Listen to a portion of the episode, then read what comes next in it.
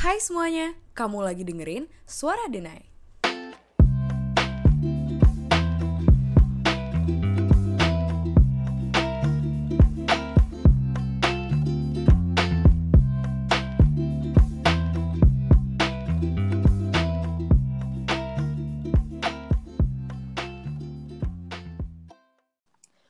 Halo dan selamat datang di podcast Suara Denai episode 6.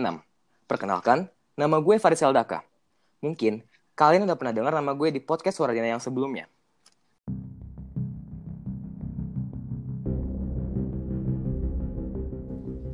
Setiap negara berbeda.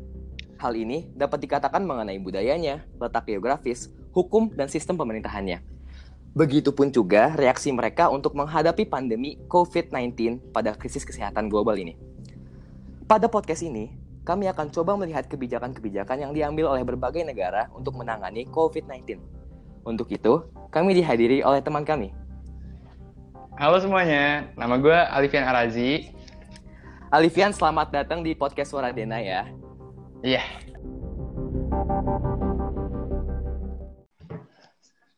Jadi, uh, untuk belakangan ini, lagi ada breaking news apa tentang COVID-19?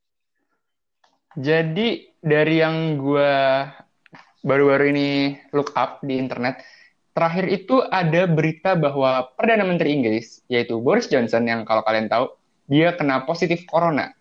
Itu menunjukkan kalau dia uh, sudah berkontak langsung sama penderita corona ya?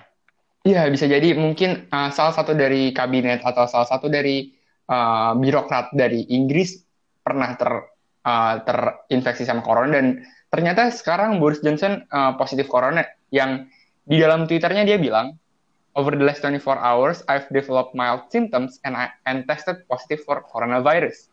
I am now Hmm. self-isolating, but I will continue to lead the government respond via video conference as we fight this virus. Together we will beat this. Gitu. Itu kata Boris Johnson, cuy. Wah, berarti uh, dia sendiri yang mengungkapkan ke dunia bahwa dia sudah terinfeksi virus Iya. corona dan bukan dari media lain ya? Betul, betul. Dia dan abis itu berita terbaru selanjutnya juga ada uh, dari negara India nih.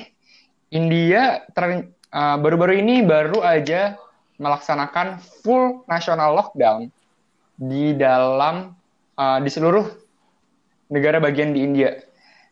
Kebijakan itu diambil oleh Perdana Menterinya sendiri, Narendra Modi, selama tiga minggu dalam skala nasional untuk mengurangi dampak dari virus corona. Hmm. Yang menarik ini, gue ngelihat satu foto nih, Res. Jadi in- ini adalah salah satu foto di Bangalore. Bangalore ini kota India yang terkenal karena kehidupan perekonomian nah. Yang lagi growing banget itu di sana startup. Biasanya setiap hari itu macet dan di Jakarta ya Oh, jadi kayak pusat teknologinya gitu ya? teknologi dan tapi kemarin gue lihat itu bener-bener sepi dan bener-bener uh, nggak ada mobil yang lewat sama sekali. Hmm, berarti bisa dibilang lockdown yang ditetapkan oleh pemerintah India itu lumayan efektif ya? Iya, jadi lockdownnya cukup uh, ketat dan cukup efektif sih untuk mengurangi uh, apa ya bisa dibilang laju perpindahan orang dan mungkin langsung aja ke berita selanjutnya kali ya. Boleh, boleh, Di boleh. Eh, tapi sebelumnya, selanjutnya, sebelumnya ini hal yang menarik sih dari India. oh ya, Gue ngelihat beberapa video di internet di mana polisi-polisi India menggunakan eh, tongkat kayu itu menghukum dan memukuli Iya. siapa pun yang mereka temui di jalanan. Apakah Iya. itu berhubungan dengan efektivitas lockdown yang Nah. ada di India? kalau misalkan kita tarik uh, ke belakang, memang mungkin ada berbagai permasalahan konflik di India seperti yang mungkin uh, sebelumnya juga pernah ada diterbitkan undang-undang agama kalau lu tahu. Jadi Hmm. uh, di India tuh pernah dimunculin undang-undang agama yang di situ mendiskriminasikan kalau dalam tanda kutip salah satu etnis di India itu sendiri. Jadi mungkin uh, lockdown ini menjadi salah satu momentum untuk Modi dan pemerintahannya untuk menerapkan uh, apa uh, lockdown sekaligus uh, Oh. dalam tanda kutip bisa dibilang mendiskriminasi. Tapi baik lagi kita juga harus uh, ini lihat lagi konteks pemukulannya itu untuk apa. Iya, benar sekali. Lalu lanjut ke berita selanjutnya. berita selanjutnya itu ada di negara Amerika yang baru aja ngerilis 2 trillion stimulus bill. Jadi uh, 2 trillion stimulus bill ini adalah salah satu kebijakan fiskal Amerika ya untuk kebijakan mendorong fiskal. perekonomian di sana. Jadi uh, salah satu undang-undang ini lagi dimajuin ke Senat dan udah uh, menang 96-0 dan sekarang lagi dimajuin ke DPR-nya Amerika yang nanti bakal disahin nggak tahu katanya sih uh, pada DPR pada mau misalkan tapi hmm. gue kurang tahu nanti masih bisa dilanjutin lagi dan selanjutnya juga ada berita dari pertemuan G20 jadi baru-baru ini Presiden Jokowi dan petinggi 20 negara ekonomi terbesar di dunia baru aja ngelakuin pertemuan secara online jadi harusnya Online pertemuan ya. ya harusnya pertemuan ini dilaksanain di Arab Saudi yang uh, setiap tahun digelar digelar G20 ini. Mm-hmm. Tapi karena tahun ini ada pandemi, jadi uh, digelar secara online dan juga uh, pertemuan G20 ini juga mengundang beberapa organisasi internasional seperti IMF dan World Bank. Uh, seperti yang kita tahu ya, pertemuan G20 ini kan diadakan uh, secara rutin atau uh, setiap beberapa waktu. Uh, apakah yeah. pertemuan G20 ini uh, membahas spesifik mengenai corona uh, juga ataukah uh, seperti membahas hal-hal biasa yang dibahas di G20 sebelumnya? Jadi, jadi uh, emang kebetulan di pertemuan yang G20 ini itu tuh pertemuan mendadak. Uh, hmm. Pertemuan ini dibuat untuk mencari cara agar supaya gimana perekonomian negara-negara G20 ini bisa membantu negara-negara lainnya dan mengurangi dampak corona. Hmm. Kalau yang dari begitu. Jadi uh, sampai salah satu presiden Amerika Donald Trump dan presiden Brazil ya Jair Bolsonaro bilang tuh mereka nggak bakal ngebuat ekonominya jadi lockdown dalam tanda kutip. Mm -hmm. Iya. Di di sini dia diomongin lagi kebijakan perekonomian dan lain-lain ya. Iya karena Mungkin tentunya untuk uh, pandemi, pandemi ini juga sangat mempengaruhi uh, kehidupan ekonomi di setiap negara. Betul tak? Betul, betul, betul. Banyak banget negara yang berdampak. Mungkin kita langsung aja kali ke lebih dalamnya di segmen kedua. Iya.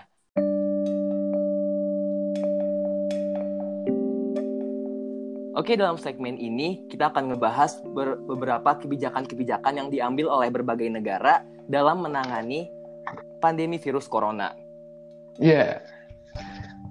Mari Mungkin... kita mulai dari negara uh, asalnya dulu ya.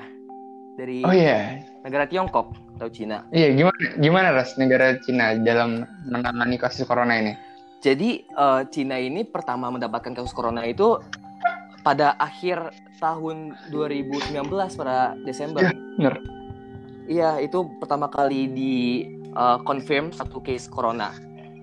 Itu pun setelah terjadinya beberapa kasus pneumonia atau uh, atau permasalahan pada pernapasan yang sebabnya tidak diketahui oleh para dokter. Dan hmm. karena jumlah yang sangat banyak dan juga uh, kasus yang menimbulkan kematian yang sangat tinggi, maka hal tersebut dinotifikasi terhadap uh, kepada WHO atau World Health Organization dan hmm. mereka melanjuti dan menyebutnya sebagai pandemik. Benar, benar, benar. Ya, lalu tapi corona ini kan uh, langsung bisa menyebar dengan begitu cepatnya ke negara-negara lain.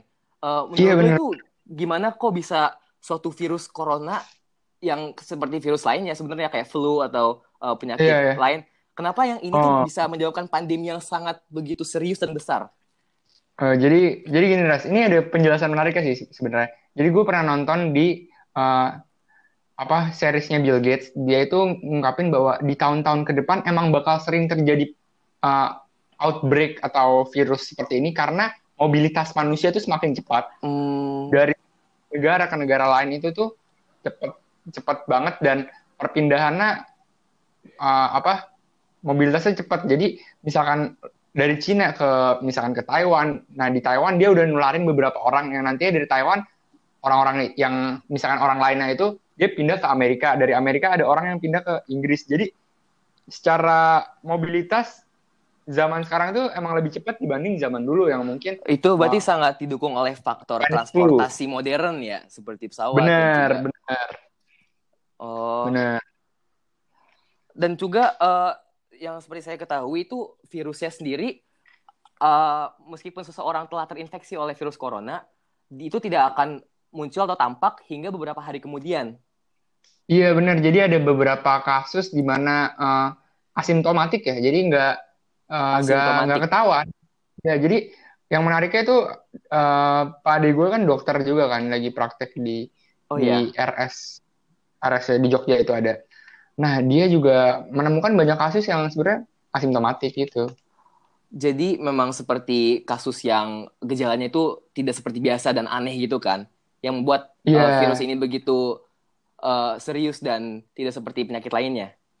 Iya benar makanya WHO itu WHO juga nganjurin untuk eh, apa eh, tes secara nationwide gitu untuk Hmm. mengetes orang-orang yang terdampak itu sendiri. Jadi biar bisa dikarantina orang-orangnya, Oh. biar bisa diisolate. Oh begitu baik baik baik. Eh, lalu kan kita ketahui nih eh, setelah terjadi outbreak yang di Cina dan Cina menjadi hotspot untuk beberapa saat, hotspotnya lalu pi- berpindah ke Korea Selatan ya. Betul, Korea Selatan. Dan di sana itu Korea. kalau yang saya lihat sih kayak eh, dipuji-puji oleh beberapa orang eh, karena mereka itu penanganannya sangat cepat dan sangat bagus. Iya. Iya benar-benar. Jadi eh, apparently Korea Selatan, Taiwan, Singapura itu juga jadi beberapa hotspot karena mereka emang salah satu negara yang interaksi dengan Cina cukup sering ya, Mhm. cukup banyak Banyak eh, flow eh, mobilitas orang-orangnya yang keluar Iya. masuk kan. keluar masuk. Tapi eh, mereka ini punya keunggulan karena mereka pernah kena kasus SARS atau MERS itu sendiri sih. SARS. Jadi dulu kan pernah ada outbreak SARS ya. Mhm. Dan ini berdampak ke beberapa negara seperti Singapura, Taiwan, Hong Kong, Korea. Oh, oleh Nah. karena itu mereka bisa punya Iya, mereka mempunyai mitigasi yang lebih cepat dan lebih tanggap karena mereka punya pengalaman menangani SARS oh itu masuk sendiri. akal masuk akal. Sedangkan kalau dilihat Indonesia itu kalau nggak salah nggak ada kasus SARS sama sekali deh, tidak terdeteksi atau tidak ti- tidak tidak berita itu nggak nggak se seluas Singapura atau Taiwan atau Korea itu sendiri. Nah makanya mungkin Indonesia agak keteteran menghadapi kasus corona Hmm. ini. Dan mungkin kalau kita lihat balik ke data-data yang ada tentang SARS atau MERS ini, eh, data ini menunjukkan kalau SARS itu confirm case-nya cuma beberapa ratus doang ya, nggak lebih dari 600 kalau nggak Iya, salah. cuman iya nggak nggak terlalu banyak, tapi itu udah me- membuat pemerintah mereka tuh alert, alert terhadap uh, apa bersiaga terhadap Hmm. kalau ada virus baru lagi gitu. Jadi makanya uh, infrastruktur medis dan uh, penanganan-penanganan juga bagus banget. Dan mungkin gue pengen masuk sebentar ke Singapura sih, Oke, oke. karena gue suka suka banget cara Singapura nanganin outbreak ini. Jadi se yang kayak lu tahu juga Singapura kan salah satu negara yang teknologinya maju ya. SDM-nya maju, eh, teknologi, SDM iya bisa dibilang. dia itu dia nggak nerapin lockdown, dia nggak nerapin total lockdown, tapi dia nerapin social physical distancing. Nah, yang menarik di sini adalah pemerintah Singapura melalui salah satu organisasi itu dia mempunyai salah satu aplikasi local app, namanya itu apa ya lu? Bentar, gue agak lupa Dan namanya, ini tapi di, di uh, develop aplikasi oleh ini- pemerintah sendiri. an- iya, correct me if I'm wrong, antara di develop sama pemerintah atau di develop sama NGO ya. Aha. Tapi local app ini bisa ngadain kalau misalkan lo deket sama salah satu uh, orang yang udah positif corona. Jadi nanti HP lu bakal bunyi sendiri. Oh, jadi kayak GPS Jadi- trackernya gitu bakal Tracker jadi ada Bluetooth. Jadi tuh make Bluetooth gitu. Jadi kalau lu deket bakal Oh. bunyi, cuy. Jadi itu menarik. Tra- makanya dia kontak tracingnya cepet banget si Singapura ini dan kasusnya nggak terlalu parah sih. Oh, jadi dengan teknologi itu orang bisa mengetahui apakah dia dalam uh, suatu ancaman yang lebih gitu ya?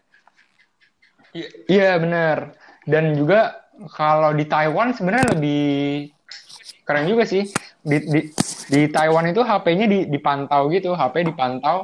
Nanti kalau misalkan orang yang positif ini dia nggak ngangkat kalau lagi ditelepon dia bakal disamperin sama aparat gitu cuy jadi apa ya istilahnya bener-bener dimonitoring gitu orang yang kena positif ini Oke. Eh, ini terus kita lanjut aja ke ini ya, eh, negara yang lain. Jadi eh, Bener, bener, hotspotnya setelah dari dari Cina ke Korea Selatan, gue denger itu nyampe ke Iran ya, ke Timur Tengah. iya bener bener bener Dan itu padahal kalau kita lihat mungkin kan Iran sedang berada dalam eh, keadaan yang tegang dengan eh, beberapa negara lainnya dan Iya. eh, agak tidak di-expect bahwa Iran bisa menjadi hotspot berikutnya, tapi mengapa itu bisa terjadi ya? Kalau dari kalau dari analisa analisa gue sih kayaknya itu emang ada awalnya itu dari orang luar ya masuk ke Iran. Terus baru dari situ ada local transmission. Soalnya di Iran sendiri juga sampai DPR dan wakil presidennya nggak salah Iya. apa menteri kesehatannya gitu kena itu bener-bener emang parah dan kalau dilihat sendiri cerita-ceritanya tuh sampai di Iran tuh buat kuburan massal cuy. Karena Wow. apa rumah sakit itu udah nggak nggak nggak kuat nampung itu sendiri dan yang lebih parah lagi Iran itu masih dalam blokade Amerika Serikat makanya orang-orang tuh pada minta Amerika Serikat mencabut blokadenya itu kan ke Iran Wow. mereka tuh nggak bisa dapat akses terhadap eh, infrastruktur medis yang lebih bagus si Iran ini kalau dari yang gue perhatiin sih Bahkan para pejabat-pejabat dan petinggi-petinggi negaranya kena ya. Berarti itu sangat unexpected gitu. Iya. ya. Kayak sangat unexpected banget lalu kami pindah ke hotspot selanjutnya yaitu Italia. Nah, Italia ini eh, secara statistik mereka mempunyai demografi eh, tertua di seluruh dunia. Yang itu berarti bahwa dalam populasi mereka mereka punya jumlah orang tua atau lansia paling tinggi sedunia.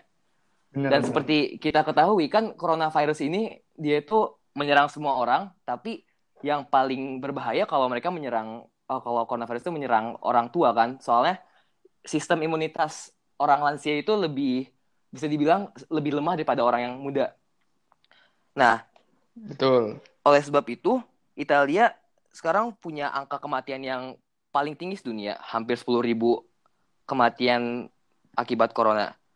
Untuk itu Italia sih bisa dibilang udah lumayan bagus dalam menerapkan uh, lockdown mereka dan juga iya uh, dan juga um, sistem mereka sangat mendukung karena mereka mempunyai hukum uh, di mana semua employer wajib memberikan uh, gaji meskipun dalam paid leave atau apa istilahnya ya iya paid paid sick leave. ah, cuti cuti kerja Nah ya dan pemerintah Italia menetapkan karantin ini sebagai paid sick leave. Jadi orang-orang tetap bisa Iya, benar, uh, benar. berdiam di rumah tanpa harus khawatir menular Iya, tanpa harus khawatir juga ke- apa eh, kehabisan uang atau tidak bisa membeli kebutuhan Nah. hidup. Dan ini semuanya nah eh, itu juga berlaku di kebanyakan negara-negara Eropa atau negara Barat ya, terutama mereka yang mempunyai kemampuan finansialnya. Bener, bener, bener. Dan di Italia itu yang menarik juga karena populasinya lansia banyak, lebih banyak dibanding yang muda ya. Makanya orang-orang itu tuh jadinya lebih berempati karena mereka takut menularkan. Mhm. Dan ketika mereka menularkan itu yang ditularkan kan kebanyakan lansia kan. Jadinya mereka punya sense of belonging terhadap bangsanya di situ Eh, itu sih. bagus banget ya. Masih Iya. terintegrasi sosialnya lah ya. Betul, betul. Nah, itu dari Italia. Jadi bisa dibilang mereka tuh menanggapi meskipun sangat kesusahan juga ya, seperti beberapa negara lainnya. Iya. Eh, lalu corona ini juga nyebar ke hampir semua negara di Eropa ya. Sekarang udah angkanya itu di Jerman ada 50 ribu confirm case, Prancis 30 ribu, Hmm. bahkan di Inggris sudah 15 ribu. Iya. Nah, Iya benar-benar. Dan by the way di Prancis tuh si Emmanuel Macron pres- presidennya Iya. ya presidennya. Prancis Presiden presiden. Itu dia salah satu yang dituntut sama ikatan dokternya cuy. Karena penanganan corona kan mungkin di situ agak lambat dan ikatan dokternya menuntut Emmanuel Macron, menuntut pemerintahannya untuk apa? Untuk menjalankan menjalankan pemerintahan itu secara benar, dituntut Hmm. secara legal, di secara di sue jure. gitu, Jadi di, bahasa Inggrisnya. iya citizen Wow. lawsuit lah istilahnya. Jadi di, di masuk pengadilan gitu. Saking mereka tuh concern banget ikatan dokter ya kan. Hmm, Keren sih itu. kalau di negara lain yang kurang baik menghadapinya nggak ada yang nge-lawsuit kayaknya ya. Mereka doang. Iya. Heeh. Nah, Ada sih di Afrika, Afrika tuh ada negara yang belum belum terinfeksi corona gitu. Lupa gue namanya. Bentar deh. Eh, namanya tuh apa ya? di Afrika Tengah atau Iya, apa di negara Afrika di- ditanya kan apa kenapa apa caranya untuk menangani corona? Terus kata presidennya simple kita nggak punya tes tesnya gitu. Nah, Itu ada, ada itu salah satu Ternyata mereka salah tuh satu hal yang pengen gue omongin di bagian Afrika nih. Jadi untuk sekarang ini Oh, Afrika oke. kan eh, mungkin secara statistik menempatinya agak rendah. Cuman ada beberapa ribu Iya. itu terutama di negara-negara yang banyak keluar masuk ya kayak Afrika Selatan eh, Heeh. dan negara-negara pelabuhan lainnya kayak di Afrika Barat. Nah, eh, tapi kita kan tahu statistika ini sebenarnya nggak berarti apa-apa karena kita tuh tahu kalau kita ngetes. Sementara negara-negara yang betul betul. ya bisa dibilang fasilitasnya kurang dan pendanaannya juga tidak semaksimal negara-negara barat, mereka tidak bisa melakukan tes secara massal seperti yang ada di Korea atau di Amerika. Sehingga sebenarnya angka-angka aslinya itu kita nggak tahu. Jelas jelas. Dan apalagi di negara Afrika yang eh, penduduknya itu banyak yang terpusat di satu titik kota gitu. Iya benar. Bayangkan betapa mudahnya Benar. virus tersebut untuk menyebar dan gak ada yang tahu. Eh, di Afrika itu sendiri kalau flashback ya, kalau lu lihat ke Hmm. belakang, dia juga punya pengalaman sama Ebola kan ya. Jadi Ebola tahun 2014. Ebola Iya kak, tahun 2014-an ya. Jadi mereka tuh pernah ngalamin suatu outbreak yang namanya Ebola itu kalau nggak salah dari kelelawar ya. Dan Mhm. itu emang handle-nya susah banget di Afrika karena uh, coba lu bayangin aja berapa uh, tempat tidur yang tersedia untuk untuk satu negara itu masih perbandingannya minim banget dan dokter-dokter di sana tuh juga digajinya kecil. Bahkan gue pernah nonton di dokumentarinya Vice kan. Mhm. Jadi di satu provinsi itu cuma ada satu rumah sakit satu provinsi loh bayangin. Wow. Dan itu dokternya cuma satu. Sisanya cuma apa nurse doang. Nurse apa sih? Eh, perawatnya doang. Perawat. Eh, sisanya perawat doang. Wow. Iya, jadi itu menunjukin menunjukkan banget kalau memang secara kemampuannya untuk menangani pandemi sebesar ini tuh eh, sangat kurang untuk negara-negara seperti Benar. sayangnya ya. Dan Iya sayang. tidak seperti eh, tadi eh, yang kita omongin Singapura yang udah mendapatkan pengalaman dari outbreak SARS. Outbreak Ebola ini agak sedikit berbeda dengan eh, virus corona dan SARS karena tidak bersifat airborne ya atau bisa menular lewat udara. Iya, Yang gue denger nih Ebola cuma bisa disebar kalau menyentuh eh, cairan tubuh dari Betul. orang yang terinfeksi. Ebola itu fluid. Nah, itu ju- itu dia res di Afrika kan kebiasaannya dan itu nggak ketahuan gitu kalau orang mati karena Ebola karena orang mati punya beberapa sebab gitu kelaparan atau apa kan jadi nggak ketahuan kan jadi kadang orang cuma dis- disentuh disentuh Ah. aja gitu jadi itu yang mem- membuat penularannya semakin Iya. cepat gitu loh Tapi bedanya lagi, kalau Ebola itu eh, kalau nggak salah simptom dan gejala dan mulai sakit kritisnya itu dalam jangka yang jauh lebih pendek dibandingkan coronavirus ini. iya bener bener Jadi dalam Bener, jangka waktu bener. beberapa hari mungkin sudah bisa eh, mengalami kayak eh, muntah-muntah darah dan hingga kematian. bener fatality rate-nya juga Iya. tinggi daripada di Jadi corona eh, virusnya tidak menyebar secepat dan setidak terdeteksi seperti corona. iya Itu bedanya. benar benar lanjut aja kali ya ke negara lain lo ada update lagi nggak Nah, di Eropa Barat eh tadi kita udah ngomongin Italia dan oh iya hotspot yang sekarang ini currently selain di Amerika ada di Spanyol. Spanyol tuh oh iya Spanyol tuh bener bener bener mirip-mirip kayak Italia juga ya. Dia juga bisa dibilang iya negara Kak. yang cukup tua dan Ya, jadi di, di Spanyol itu juga uh, kalau nggak salah kemarin tuh ada beberapa kematian massal gitu karena uh, efek-efek yang diduga corona ini juga menyebabkan rumah sakit rumah sakit di Spanyol itu penuh banget dan uh, apa ya kalau gue sih belum ngelihat kebijakan yang outstanding banget sih dari hmm. pemerintah Spanyol ini karena masih belum terpapar di media mungkin ya. Iya iya. Jadi masih, masih baru soalnya. Iya. Hmm. Belum lagi Spanyol kan sebagai uh, pusat dari turisme di Eropa ya. Jadi uh, Benar. banyak banget orang keluar masuk dari terutama dari negara kayak Inggris dan Jerman itu mem membuat virus ini menyebar lebih cepat lagi kan? Iya benar banget dan apalagi di dalam EU-nya sendiri di dalam apa Uni Eropa itu masih belum ditetapkan lockdown secara Uni Eropa hmm. gitu. Jadi perjalanan itu masih mobilitasnya masih cepat sih, kecuali Italia doang yang udah di lockdown ini. Iya sih ya. Oh iya, terus kita lanjut ke uh, negara yang udah sekarang bukan di EU lagi, Brexit, Brexit.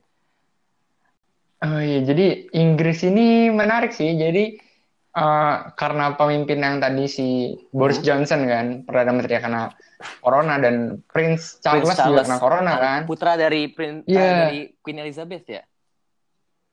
Iya benar. Dia kena corona juga. Terus jadi kebijakannya ini cukup cukup masif sih kalau gue lihat, apalagi di bidang bidang kesehatan kan Inggris ini juga punya National Health System, NHS nggak salah. Gitu. Itu tuh istilahnya kayak healthcare system, jadi kayak BPJS. Jadi uh, udah di cover semua, tapi di Inggris kalau yang gue lihat kayaknya masih belum lockdown hmm, sih, hmm, hmm. masih lockdown banget gitu. Oke, kita lanjut aja ke negara yang sekarang menempati tingkat tertinggi total kasus terkonfirmasi, yaitu Amerika Serikat. Nah, Amerika Serikat ini setahu gue itu pas awal-awal, apalagi uh, bulan-bulan Februari, awal-awal Maret, uh. Donald Trump masih sangat uh, me, apa ya, menganggap lemah, menganggap kecil, menganggap sepele hal. Benar, benar. Dia bilang tidak ada masalah. Bahkan gitu. kayak Iya, dia bilang China virus kan, China ya, virus dia, bukan coronavirus tuh. Dia tuh nyari kesempatan terus untuk menyerang Cina, musuh abadinya. Iya, bener-bener. Jadi tapi yang menarik itu yang tadi gue bahas sih di 2 trillion stimulus package yang mau diterbitin sama Donald Trump ini yang mau diterbitin sama pemerintahan untuk menangani corona. Ini menurut gue kebijakan fiskal yang berani hmm. banget sih dari Amerika. Soalnya 2 triliun tuh nggak dikit ya. Tuh banyak banget. Iya, 2 triliun tuh banyak loh 2 triliun. Yes. Kalau gue jelasin lebih lanjut, 2 triliun stimulus bill itu tuh isinya ada beberapa cuy. Jadi yang pertama tuh direct direct payment. Jadi ini tuh kayak basic income yang lu terima gitu selama lu quarantine, selama hmm. lu di hmm. karantina. Jadi di direct payment ini untuk seseorang yang masih single, lu dapat 1.200 USD. Yang udah menikah itu ada 2.400. Dan untuk yang menikah dan punya anak, per anak di di bawah 17 tahun dapat 500 USD. Hmm. Itu kan jumlahnya cukup banyak ya. Udah gitu yang kedua juga ada penundaan student loan di Amerika sendiri. Oh iya. Nah, yang lu tahu juga kan, di Amerika kan emang sistem uh, edukasinya, sistem pendidikannya udah maju kan. Jadi dia itu punya yang namanya student loan. Kalau lu trace back lagi, student loan ini kan awalnya diciptain pas mau Cold War mm -hmm. kan untuk uh, apa istilahnya biar bisa menang secara intelektual melawan Rusia oh, maka Amerika nyiptain student loan ini. Apa gitu ya. Iya, biar yang penting tuh orang-orang pada belajar untuk meningkatkan kemampuan intelektualnya lah istilahnya. Nah, tapi yang menarik ter, menarik di sini student loan di Amerika itu angkanya udah gede banget di dalam di dalam angka ini tuh udah bisa lebih dari kredit motor mobil res di dalam negeri sendiri. Emang mahal Jadi banget angkanya ya, tuh udah gede. banget ya. Bukan perputaran uangnya udah banyak banget ini tuh. Jadi uh, udah udah jadi ekonomi tersendiri lah istilahnya student loan ini. Hmm. karena di dalamnya itu ada ada orang yang mau minjemin uang dan ada orang yang minjem uangnya kan. Nah kreditur dan debitur ini tuh jumlahnya banyak banget. Makanya student loan ini jadi salah satu istilahnya GDP Amerika lah. Uh, dan ini pasti ngebantu juga ke uh, stimulus package yang tadi lo sebutin itu ya? Benar, karena ditunda, jadi orang bisa punya kelegaan untuk membayar student loan ini nanti lah. Hmm, Itu juga bagus sih. oke oke. Tapi beda sama negara Eropa yang tadi gue sebutin mereka itu eh, punya jaminan sosial dari pemerintah untuk dibayar meskipun nggak kerja. Di Amerika gue denger banyak pekerja, eh gue nggak tahu itu stimulus package yang lo sebutin itu kapan mulai berlakunya. Tapi untuk sekarang ini banyak eh, Masih belum memang. Iya banyak uh, working class people yang di Amerika itu uh, malah kebingungan mereka tuh di lockdown tapi harus ngapain mereka tuh nggak nggak bisa menghasilin duit Benar, benar, dan nggak ada jaminan seperti di negara Eropa Benar. dan ini gue Iya, itu. gua denger tuh asal muasalnya dari bill yang di pass sama Republikan Iya benar. Jadi dulu pernah tuh kan eh, ada salah satu undang-undang kalau nggak salah udah di pass, tapi habis itu undang-undang itu ketutup sama undang-undang lainnya. Hmm, Jadi eh, habis itu mulai sistemnya itu sebenarnya untuk yang pembagian di- direct payment itu emang agak kompleks sih. Tapi ada beberapa di negara bagian itu agak susah untuk mendapat yang tadi itu sendiri yang apa payment itu tadi. Ini kan sebenarnya juga udah ada di di unemployment benefit ya. Jadi kalau di Amerika tuh kalau lu eh, pengangguran atau lu diputus kerja nih, lu bisa ngajuin filing for unemployment. Nanti lu dikasih selama beberapa bulan uang ja- uang uang basic income lah untuk lu Mhm. makan, untuk lu hidup selama lu mencari pekerjaan.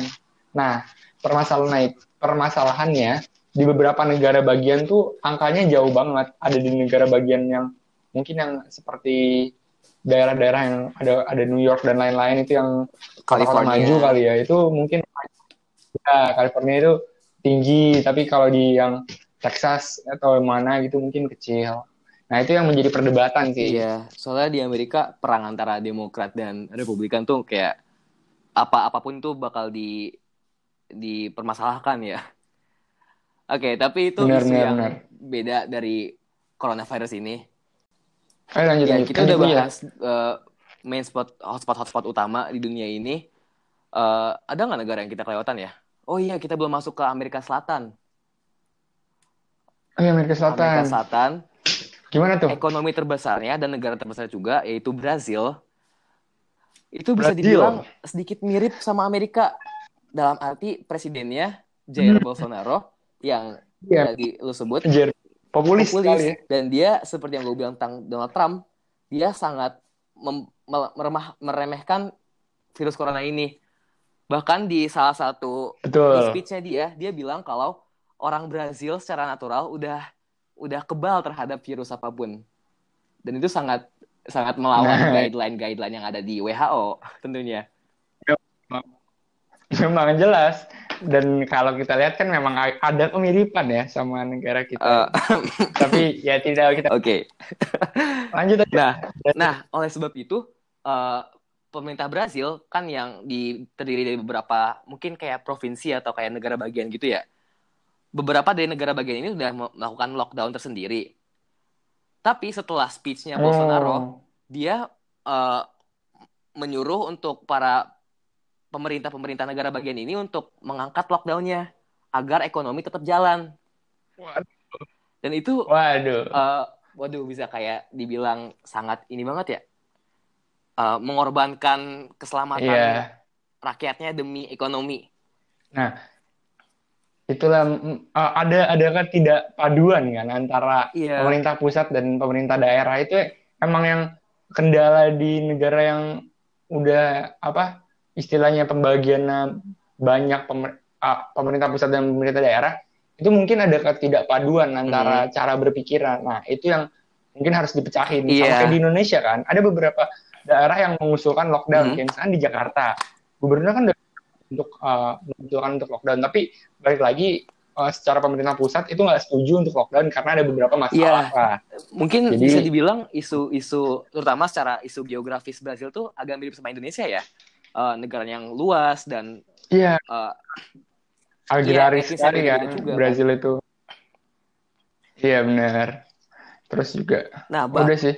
bahkan Lo udah mau negara kecil di Amerika Selatan kayak Venezuela sudah menetapkan lockdown di bawah Nicolas Maduro.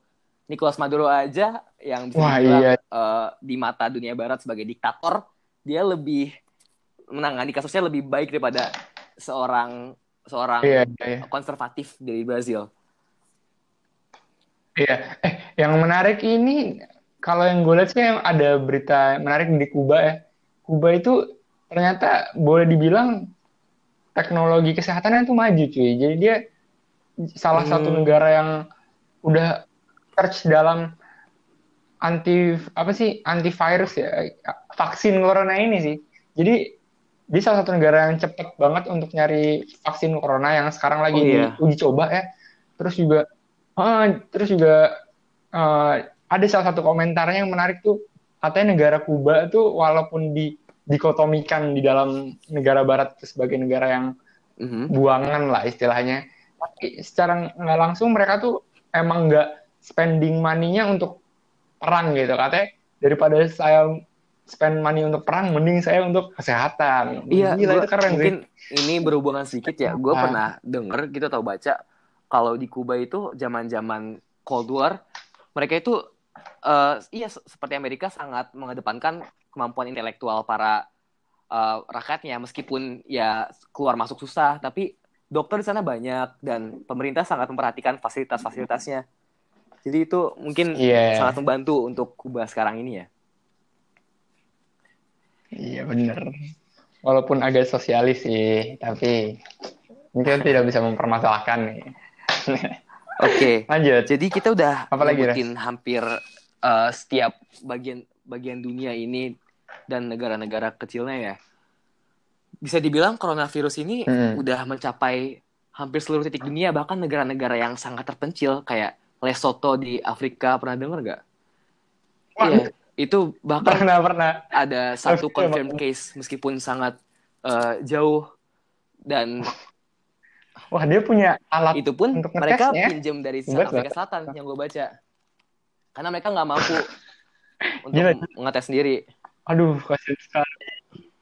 Nah, Rwanda gimana Rwanda? waduh gue belum cek tapi nih coba gue cek Rwanda sekarang ada 54 total case dan itu Wah, dan itu belum dihitung lumayan kan? banyak loh. nggak kehitung kan baru yang terkonfirm aja Iya.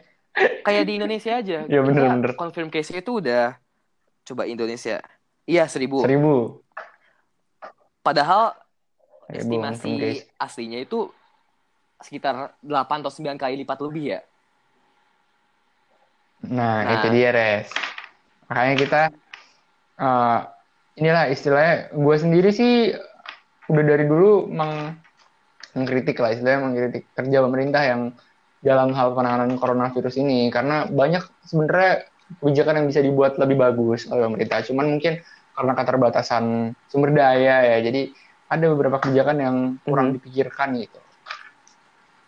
Jadi eh, apa ya? Gue rasa sebenarnya pemerintah bisa ngehandle permasalahan ini asalkan kebijakan yang diterapkan tuh Iya. yang bagus gitu. Kayak misalkan pilihan APD dan infrastruktur medis menurut gue Bener masih bener kurang bener banget sih. Masih banyak dok make jas Kesian, hujan kesian itu nggak make sense sih men. Ya, Kasian banget. Dan bahkan bisa dibilang Dan pandemi ini menjadi tamparan kepada orang-orang yang sebelumnya eh, ngeremehin ya.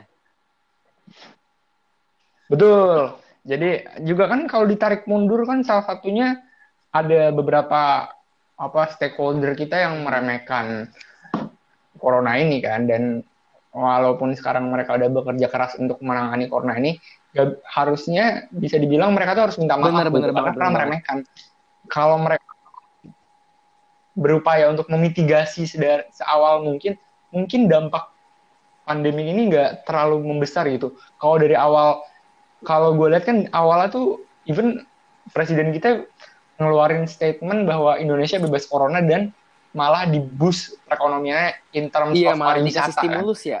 Kalau dari Iya, kalau dari awal mungkin udah ditutup, udah dimitigasi, itu bisa jadi dampak corona tuh nggak Iya. sebesar ini Nah, sekarang. sayang banget kalau pemerintah kita nggak bisa ngeliat itu dari dulu.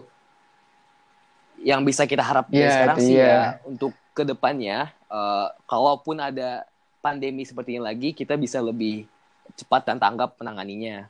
Semoga. ya semoga ini bisa menjadi pelajaran lah bagi pemerintah untuk ke depannya menyusun Iya, kebijakan. banget. Nah, udah nih, berarti kita udah bahas hampir semua bagian dunia, termasuk Indonesia sendiri. Yoi, Ada lagi nggak yang mau ditambahin? betul. Kalau dari gua, men- kalau dari gua mending eh, apa ya, stay safe sih di rumah karena eh, kita nggak tahu kita punya virus corona atau enggak dan kita nggak tahu kita bisa nularin atau enggak. Jadi mending mendingan kalau bisa di rumah ya di rumah aja atau di kosan.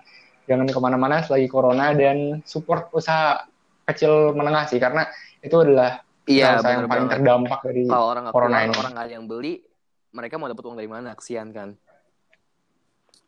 Iya, so Benar, jangan benar. lupa untuk cuci tangan yang sering, eh, jaga kebersihannya, higiennya, dan keluar kalau benar-benar perlu aja, kayak belanja buat keluarga atau apa. Itu pun juga hati-hati banget ya.